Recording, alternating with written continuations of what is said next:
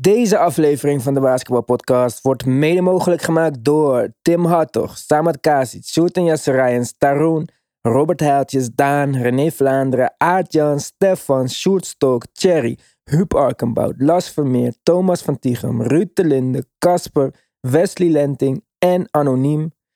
Willem-Jan Eil, onze nieuwe DBP-soldaat, DBP Army, stand up. Als jij ook toegang wilt tot dit army, tot de movement, tot de extra content, de extra afleveringen, ga dan naar de basketbalpodcast.nl en kies luister op Petje Af of ga naar petje.af slash de basketbalpodcast, ook als je gewoon wilt supporten.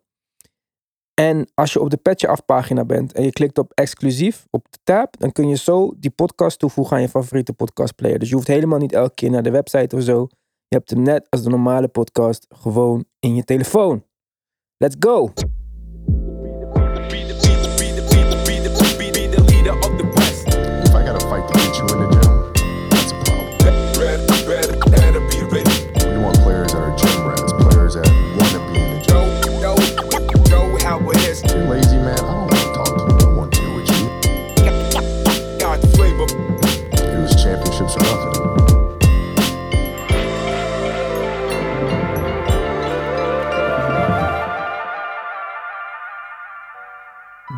Zijn de wereld nog niet uit.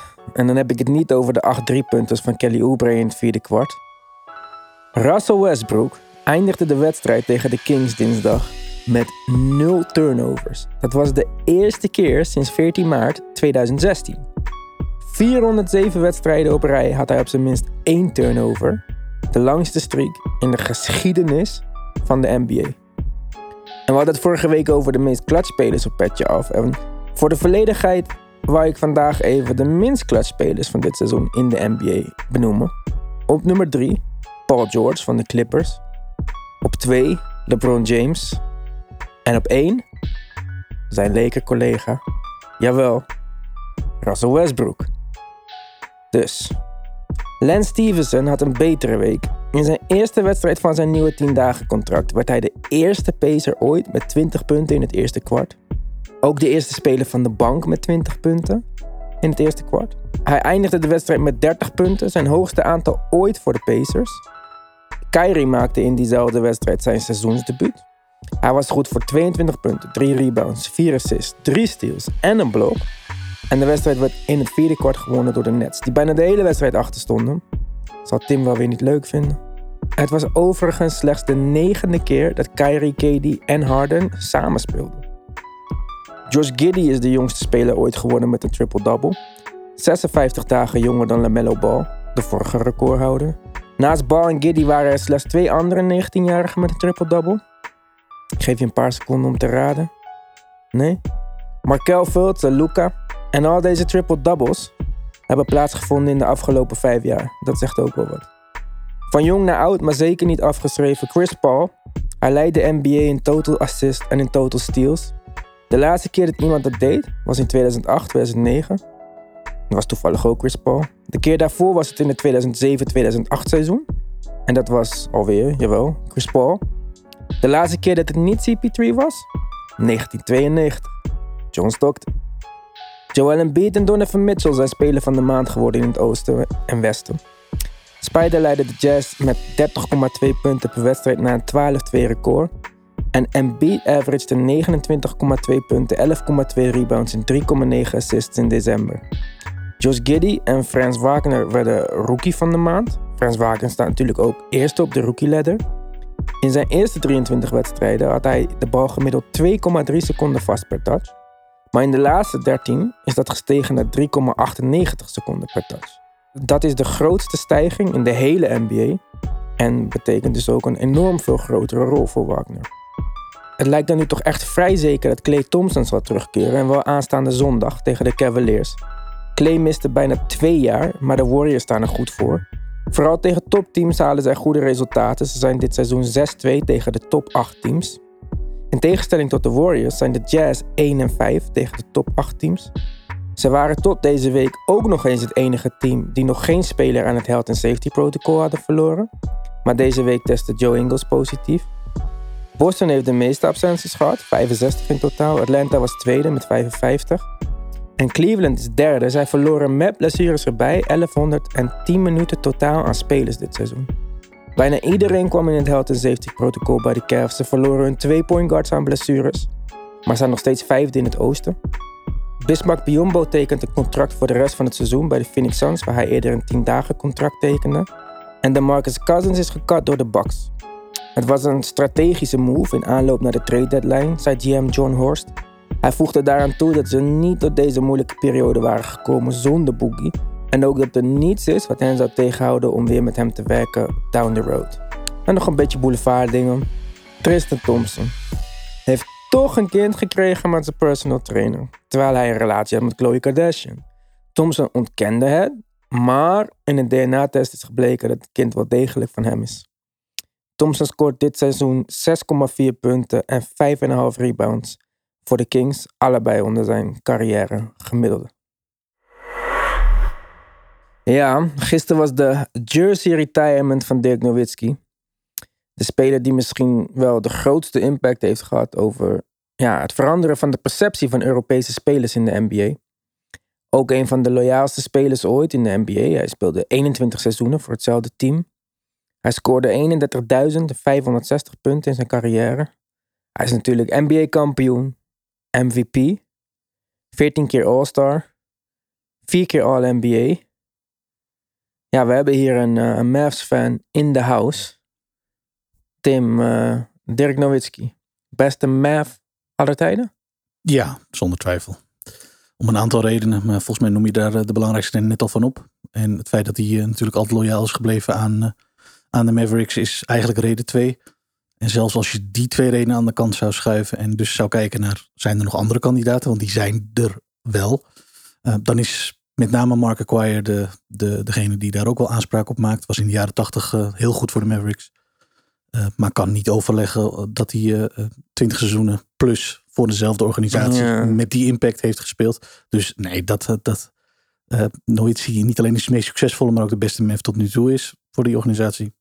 Absoluut. Is hij, is hij ook de enige die een titel heeft gewonnen met de Mavs? Zijn enige titel of niet, toch? Uh, ja, ja, oh zo, ja, dat, ja. dat, is, dat is waar. Ja. Oké, okay. dus toch wel de beste Mav aller tijden. Ja, al die uh, plaatjes komen voorbij, bijvoorbeeld over uh, wie de beste shooters zijn per positie. Dan heb je altijd uh, Shaq rond de paint en Steph boven en dit. En de hele midrange zie je die, dat blonde hoofd zo ertussendoor. Ja, klopt. Ik zag het. En ik zei het net al, hij heeft wel ook de perceptie ver veranderd over Europeanen. En uh, niet altijd uh, ten goede, want denk mede door hem is een Darko Milicic zo hoog gedraft. Is een Bargnani zo hoog gedraft. Omdat ze toch dachten van deze blanke, lange guys. Ja, ze kunnen toch wel wat. En ze zijn intelligent, ze hebben een mooie touch. Goed, met die twee dan wat minder afgelopen dan met Dirk natuurlijk. Maar met hem is wel die Europese revolutie een beetje in gang gezet. En als we Jannes even meetellen als Europeaan, wat hij uh, zelf uh, vindt, ja, dan zie je toch dat nu, denk op dit moment, van de vijf beste spelers in de NBA er ten alle tijde soort van de helft wel Europees zijn. Jannes, Jokic, Doncic, als die dan nu in de top vijf zou zijn. Dus uh, ja, een belangrijke speler, denk ik. Ja, voor dat, voor dat aspect zeker. En dan uh, specifieker voor de shooting big man natuurlijk. Waarin hij een soort van revolutie ontketende. Oh. Door, door met zijn lengte zo goed te kunnen schieten. Er waren wel voorbeelden tot die tijd. Maar die waren heel schaars. Sam Perkins, dat soort spelers. Uh, en wat hij gedaan heeft uh, op zijn manier. heeft inderdaad ook wel een soort van ja, revolutie in gang gezet. Als het gaat om, om interesse vanuit NBA teams naar grote mannen. En dan echt grote mannen. Die gewoon goed kunnen schieten van buitenaf. Dus ja. daar was hij wat mij betreft het licht voorbeeld van. Ja. Ja, hij heeft een paar interviews gegeven deze week. Ik heb het een beetje proberen te volgen, omdat ja, toch wel legend. Ik wil ook voorbereiden op de podcast natuurlijk. En uh, hij zei in een van die interviews van ja, coach is het laatste wat ik wil doen.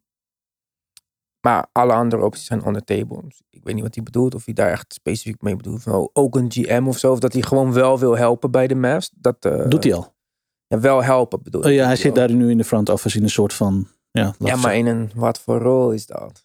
Ja, hij wordt betrokken bij het technisch gedeelte. Dat is ook officieel. Uh, alleen, ik denk, ja, denk voor een deel gewoon adviserende rol. Special advisor, zo, zo kun je het het beste zien. Misschien kan hij Lucas uh, special advisor worden. Want ehm, wat hij weer in een ander interview zei, toen hij werd gevraagd naar wat heeft jou gemotiveerd tijdens die 21 jaar, tijdens jouw carrière om te blijven gaan, om goed te zijn. En toen zei hij, ik dacht dan, Kobe is niet aan het uitslapen. Tim Duncan ligt niet meer in bed. En toen dacht ik, nou misschien kan je dat tegen Luca vertellen. Want ik, ik heb een beetje nagedacht over Luca. De, van, van de Dirk Nowitzki gaan we naar de actuele Mavs. En ja, ik denk dat iedereen het erover eens kan zijn dat bij Luca geen talent kwestie is. Of zo. Het is een discipline kwestie.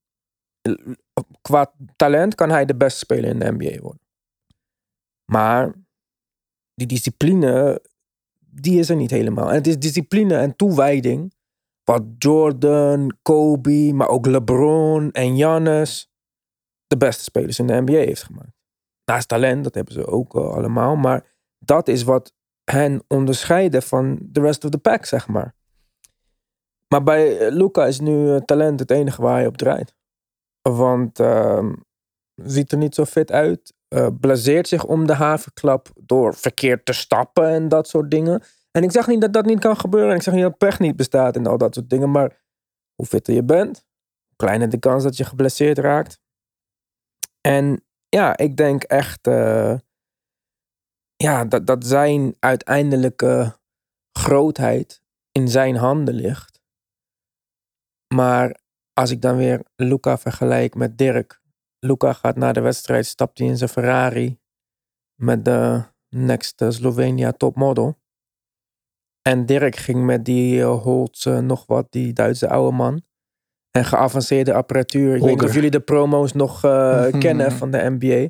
Dan gingen ze staan te schieten. En zelfs elke 1% of 1 graden angle die ze konden veranderen, daar werkten ze aan. Die one-legged fadeaway die wij allemaal kennen, is niet een Allen Iverson crossover die van nature is gekomen. Het is een super veel geoefend schot.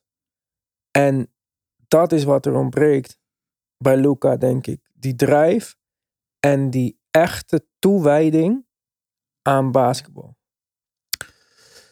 Ja, het, het, heeft er in ieder geval signalen van. Die signalen worden steeds meer duidelijk. Je ziet in de, in de aanval van de, van de Mavs, of in zijn algemeenheid inderdaad ook wel dat hij eerder, een, ondanks het talent hoor, eerder een soort stagnerende werking heeft dan als hij... We hebben natuurlijk de afgelopen periode gezien dat hij er niet was. En wat dat deed voor de Mavs, dat viel niet tegen, ondanks uh, dat de Mavs het niet fantastisch deden in die periode.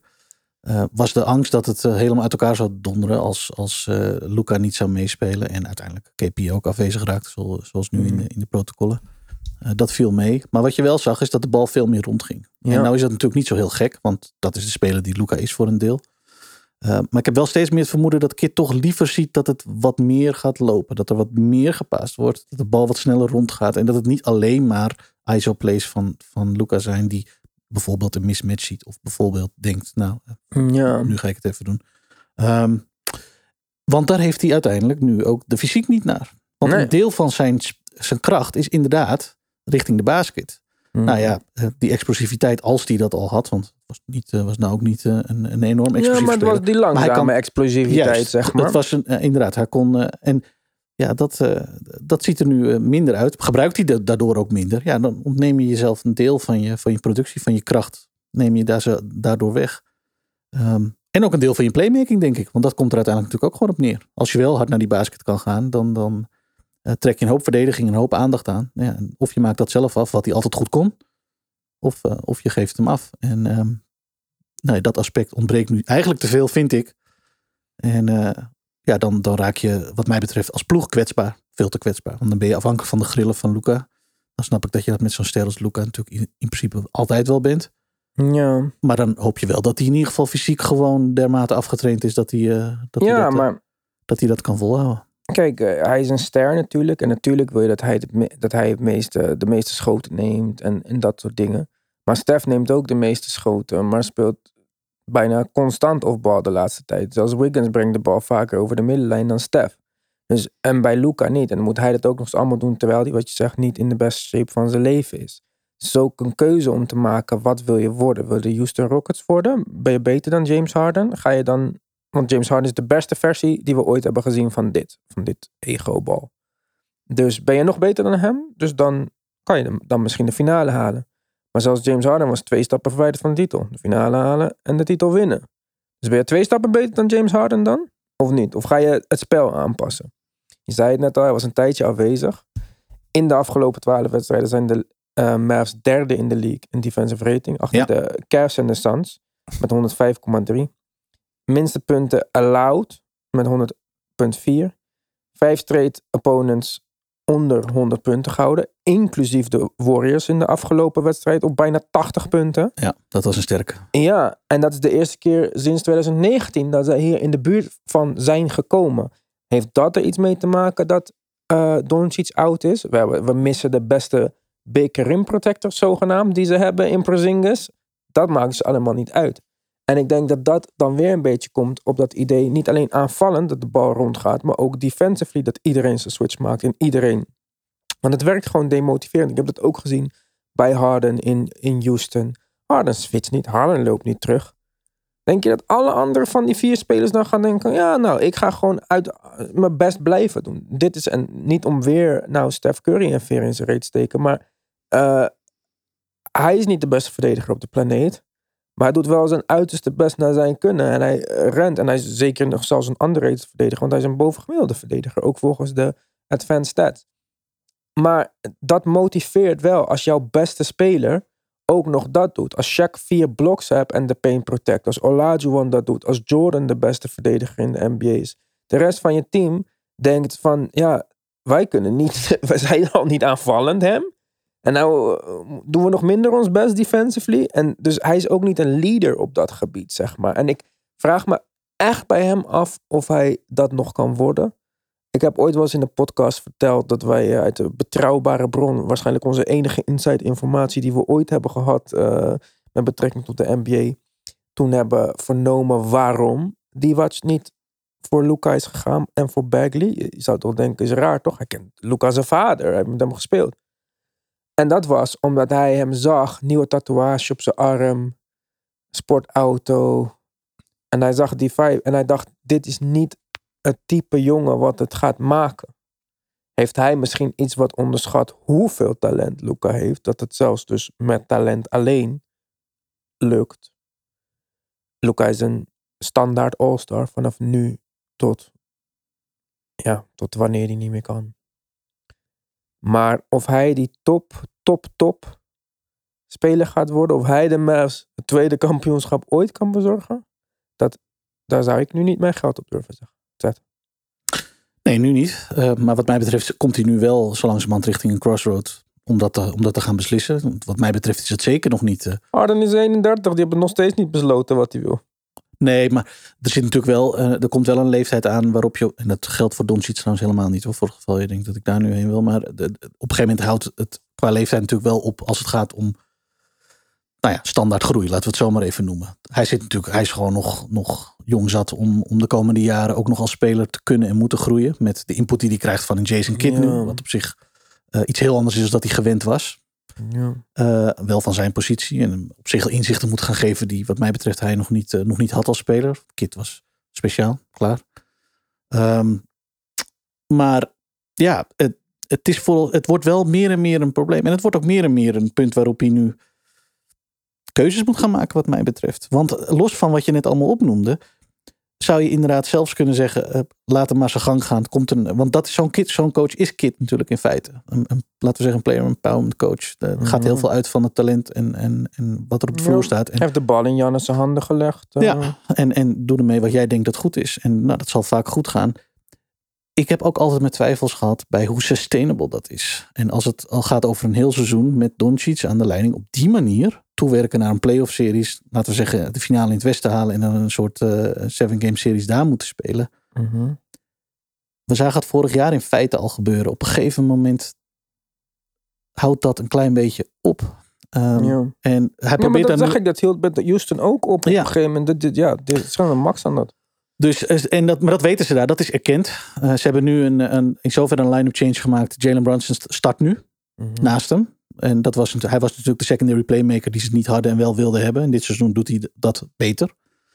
Ehm, en, maar ehm, ja, ze eh, met die line-up spelen ze natuurlijk in een, eh, op een soort kruispunt van belangen waarin je eigenlijk het liefst met KP op de 5 speelt. Dat is eigenlijk gewoon de beste line-up die ze kunnen, die ze moeten hebben. En dan het liefst Kleber op de, op de 4.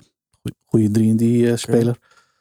Uh, maar KP op de 5 is niet sustainable. Fysiek gezien niet. Dan kom je daar. eh, Kom je, dus dat willen ze, daar willen ze liever vanaf. Omdat ja, anders eh, is het volgens hen wachten op, eh, op eh, meer afwezigheid op blessures van KP.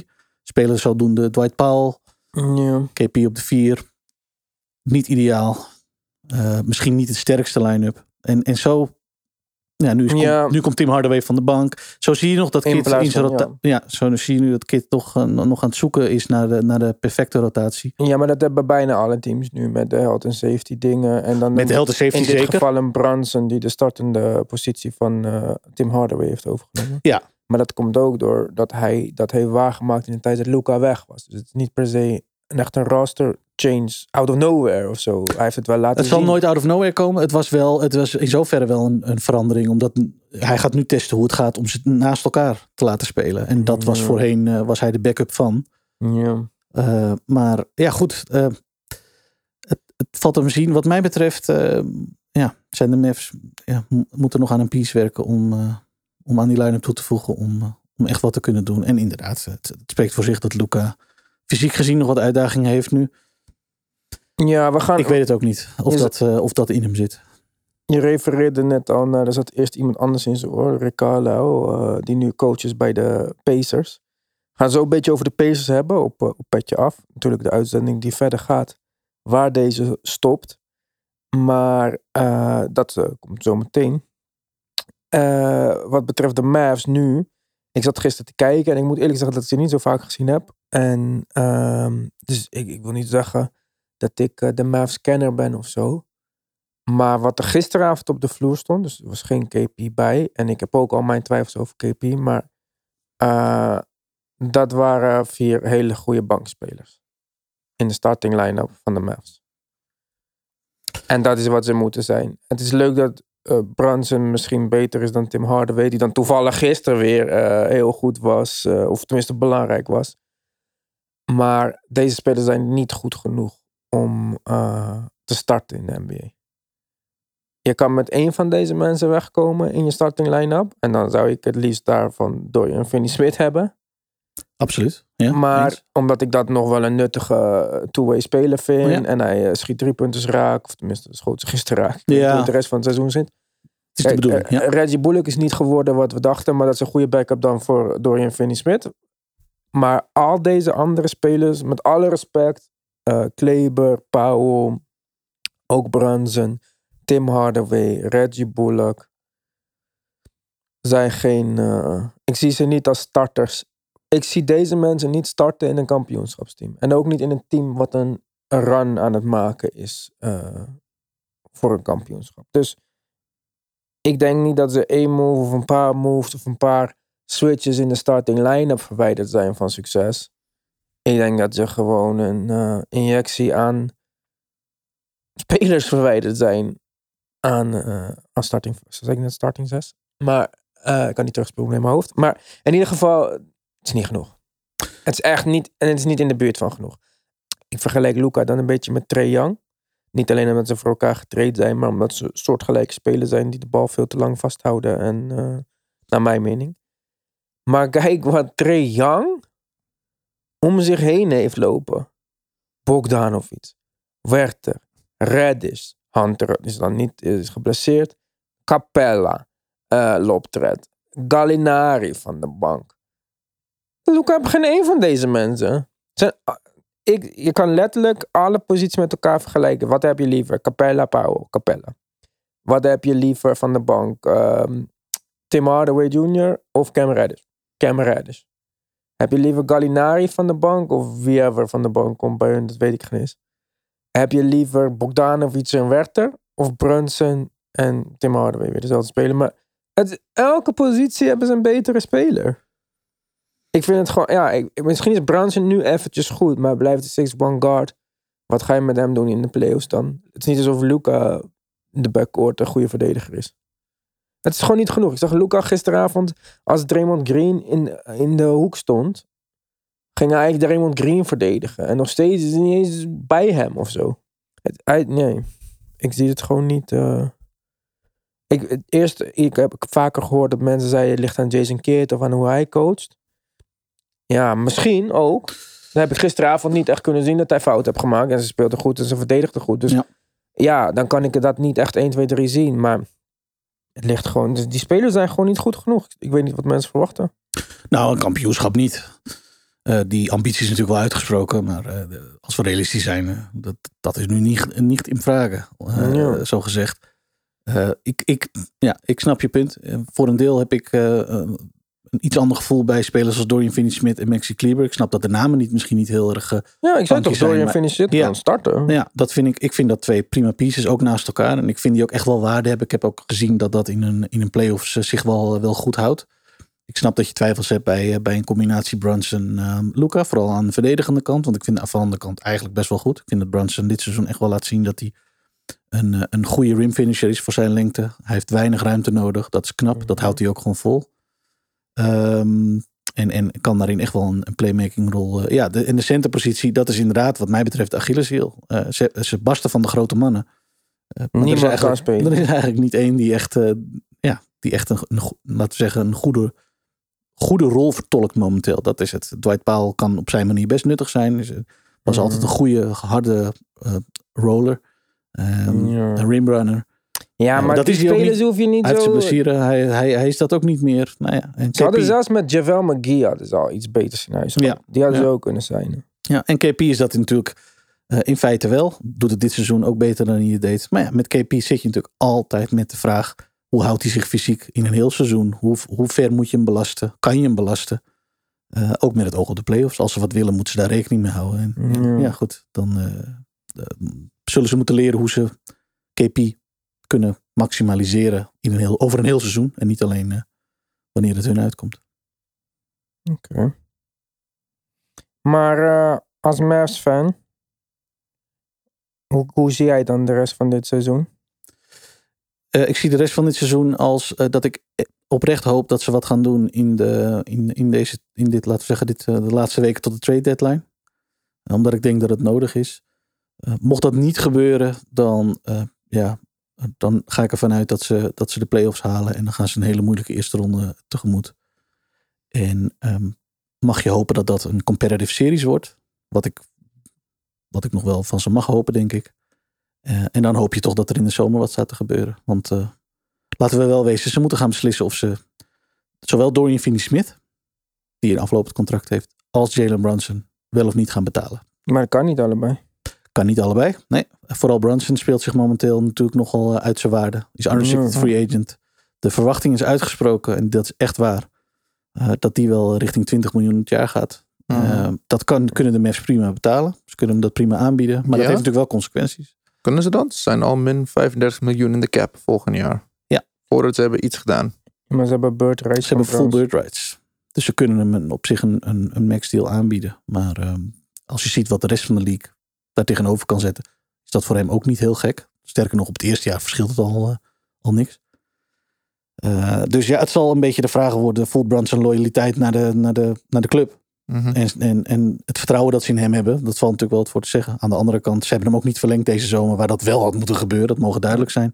Ja, maar ja, oké, dat eh, kon je niet altijd weten van tevoren natuurlijk. Als dat niet jouw eerste prioriteit was om een six-foot shooting guard, point guard backup te zijn en je wist nog niet hoe goed die was, vind ik dat geen rare Ja. maar dat was, hij, was, hij was geen vraagteken of zo. Het, je, hebt- je had hem natuurlijk al, al sinds je hem gedraft had in de gelederen. En er waren, er waren meerdere signalen dat hij wel potentie toonde. Ja, dat deed hij ook wel. Het probleem was alleen, vorig jaar draaide hij een heel goed regulier seizoen. Was volgens En- mij nummer drie in de six-man verkiezing. Ja, een play-off niet. Maar in de playoffs verdween hij compleet. ja, maar dat dan was natuurlijk een enorme teleurstelling. geef mij liever deze move dan eh 200 miljoen geven aan Michael Porter Jr. Ik ben ook eerder wat van de voorzichtige kant dan... Als ze hem eh, in de afgelopen zomer hadden verlengd, hadden ze per saldo min, waarschijnlijk minder hoeven te betalen dan ze nu moeten gaan doen.